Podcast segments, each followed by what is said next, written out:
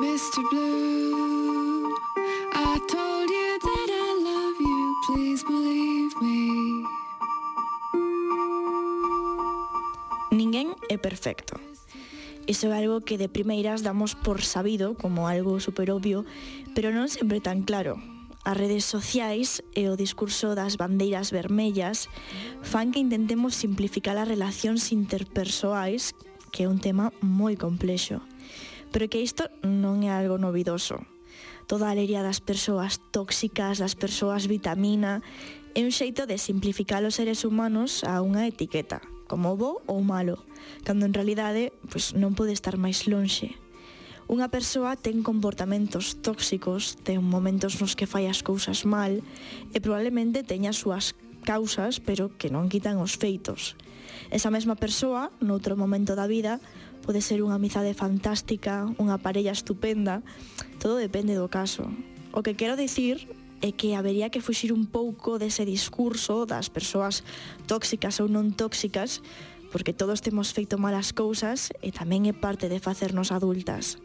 E cando isto pasa, non sempre somos conscientes do que que estamos facendo pois está mal, ou sí. E a razón pola que comecei a pensar isto é precisamente polo último capítulo de Euforia. Para as que estean o día con esa serie, pois adiante. Para as que non, vou facer spoilers, así que cuidado para, para as que non estén o día. Quen avisa non é traidora. O que ia, cando casi se lía co ex da súa mellor amiga, que para máis Inri é totalmente abusón, lonxe de recoñecer que o que fixo pois non estaba demasiado ben, entra nunha espiral de autonegación e vitimismo. Unha espiral inducida por un home que é un manipulador emocional totalmente, pero que non quita os feitos. Yo no soy la mala.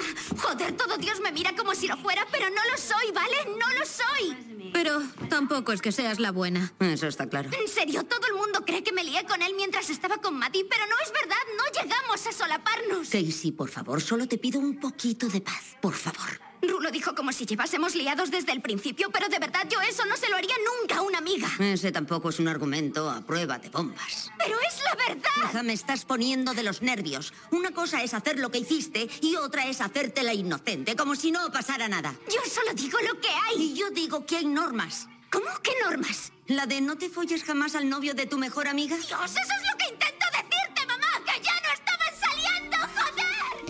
E o que máis interesante resulta deste capítulo quizáis sexa a conversa que establece Madi, a amiga traizoada, con muller para que traballa como cuidadora de nenos.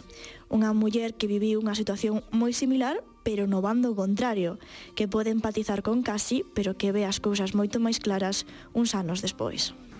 Cuando estaba en la uni le hice algo parecido a una de mis mejores amigas. O sea que eras yo. No, no, eso no sería tan malo. Yo era Casey. No me digas eso, me caes bien, por Sí, favor, no me digas ya lo sé. ¿Te follaste al novio de una amiga tuya, en serio? Sí, eh, varias veces. ¿Se lo hiciste a varias amigas? No. Joder, solo a una. Sí, pero muchas veces. ¿Pero erais buenas amigas? No, no me hagas esto, por favor. Lo sé, lo siento. ¿Por qué? porque me prestou a atención justa en el peor momento. E quizáis iso sexa o interesante de todo isto.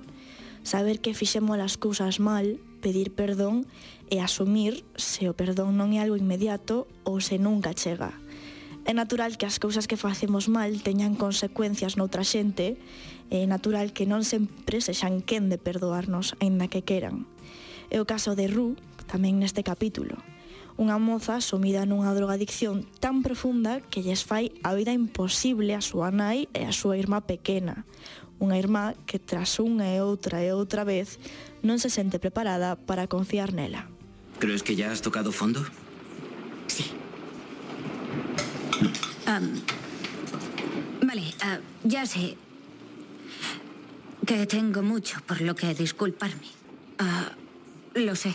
Uh -huh. Así que había pensado en meterme en desintoxicación y, bueno, superar esto y después volver y disculparme. O sea que quieres dejarlo. Sí. Vale. ¿Tienes algo que decir?